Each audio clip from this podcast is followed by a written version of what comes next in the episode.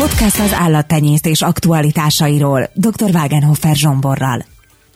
Sorozatunk 8. epizódjában egy örömteli hírről beszélgetünk. Szeptember 29-e lett a Magyar Állattenyésztők napja. Én Villányi Eszter vagyok. Egyhangulag elfogadta a magyar parlament azt az előterjesztést, hogy szeptember 29-e legyen az állattenyésztők napja. Ezáltal a szektor minden évben együtt tud ünnepelni, és hát nem mellesleg kijelölésre került egy nap, amikor megköszönhetjük az állattenyésztők munkáját. Ugye ez egy nagyon örömteli hír, úgyhogy kezdjük is talán a hátterével. Szia Zsombor! Szia Eszter! Igen, nagyon örülünk annak, hogy végre lesz egy nap, egy olyan nap, amikor az egész ország ránk figyel, az állattenyésztőkre figyel, meg tudjuk ünnepelni ezt a szakmát, ezt az ősi mesterséget. Persze ugye most az emberek mindennapjait a koronavírus járványhelyzet köti le, és hát nem biztos, hogy mindenki figyel ezekre a jó hírekre is, és hát még szeptember 29, jövő év szeptember 29-e nagyon messze van, de nagyon bízom benne, hogy addigra már a helyzet olyan lesz, hogy újra lehet rendezvényeket tartani, és mindenki felhőtlenül tud majd örülni ennek az ünnep lehetnek.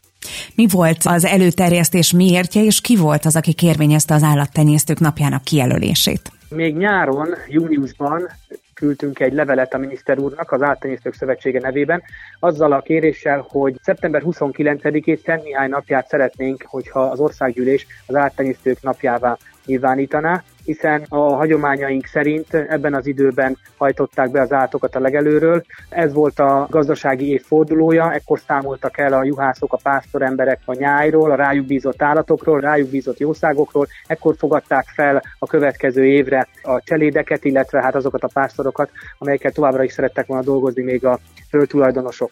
Tehát ez egy nagyon fontos évszám volt, és egyébként ehhez köthetően nagyon sok helyen eh, hagyományok szerint nagy ünnepeket tartottak, nagy ünnepséggel emlékeztek meg az egész éves fáradtságos munkáról. Mert hát azért ez a szakma, ez egy olyan műfaj, amit az év 365 napján művelni kell, tehát eh, mondhatjuk, hogy koronavírus ide, koronavírus oda, itt eh, ki kell menni az állathoz, meg kell etetni, gondozni kell, meg kell itatni, meg kell fejni, össze kell gyűjteni a tojásokat, és a többi, és a többi. Tehát itt nálunk nem állhat meg az élet, az embereket élelmiszerrel minden nap el kell látni, és nagyon fontos az, hogy ezt minél több ember, aki bemegy a boltba, lemeri a polcról a kész ételt, az tudja és tisztában legyen azzal, hogy ez milyen fáradtságos munkával kerül oda.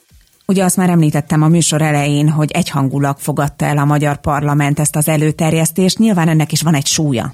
Igen, és ennek külön örülünk, hogy az összes frakció és még a független képviselők is egyhangulag támogatták ezt a kezdeményezést. Kevés olyan kezdeményezés van, kevés olyan törvényjavaslat kerül az országgyűlés elé, amelyet egyhangulag támogatnak. Én nagyon örülök annak, hogy nem vittek pártpolitikát abba, hogy meg kell ünnepelni ezt a szakmát, és mindegyik felszólaló hangsúlyozta, hogy elismerésre méltó az, amit az állattenyésztők tesznek, és hát inkább arra hívták fel a figyelmet, hogy ne csak egy nap figyeljünk oda erre a szakmára, hanem próbáljuk meg minden nap az elismerésünket kifejezni, akár azzal, hogy magyar terméket veszünk.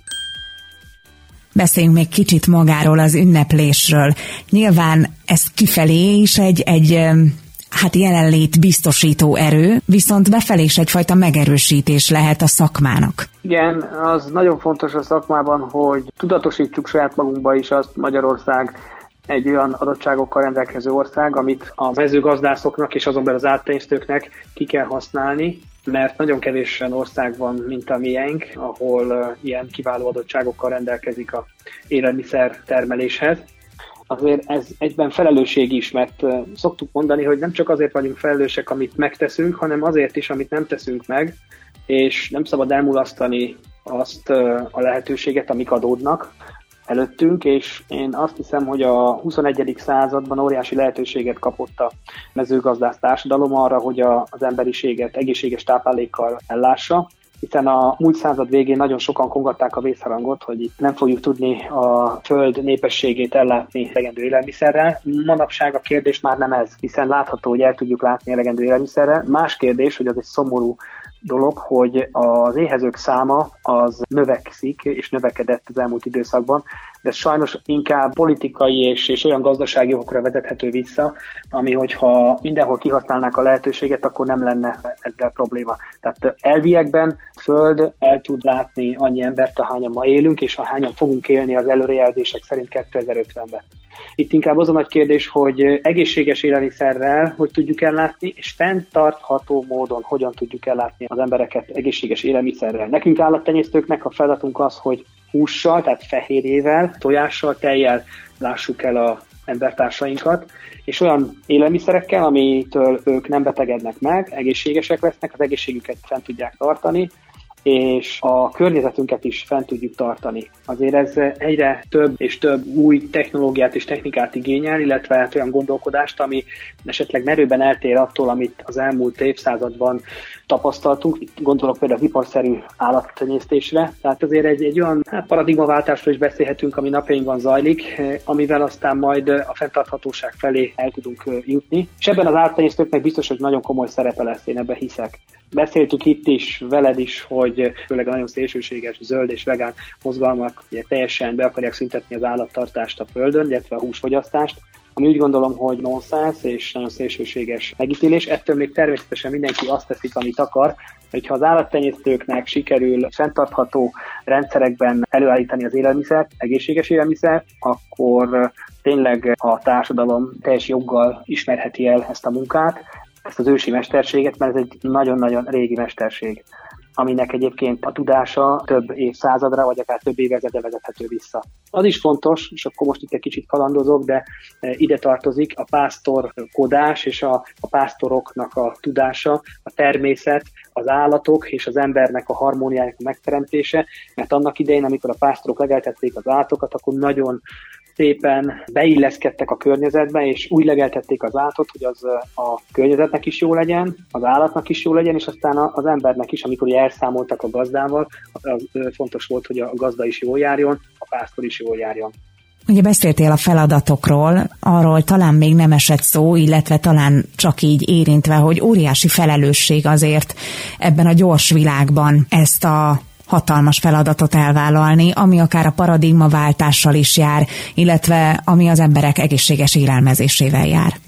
Igen, igen, és ebben másképp kell gondolkodni ma, mint 50 évvel ezelőtt, mert már nem a legfontosabb cél az, hogy a mennyiséget, a tömegtermelést biztosítsuk, hanem az, hogy a minőséget és az egészséges létet, életet biztosítsuk az embereknek is, meg az állatoknak is, és hát a környezetnek is.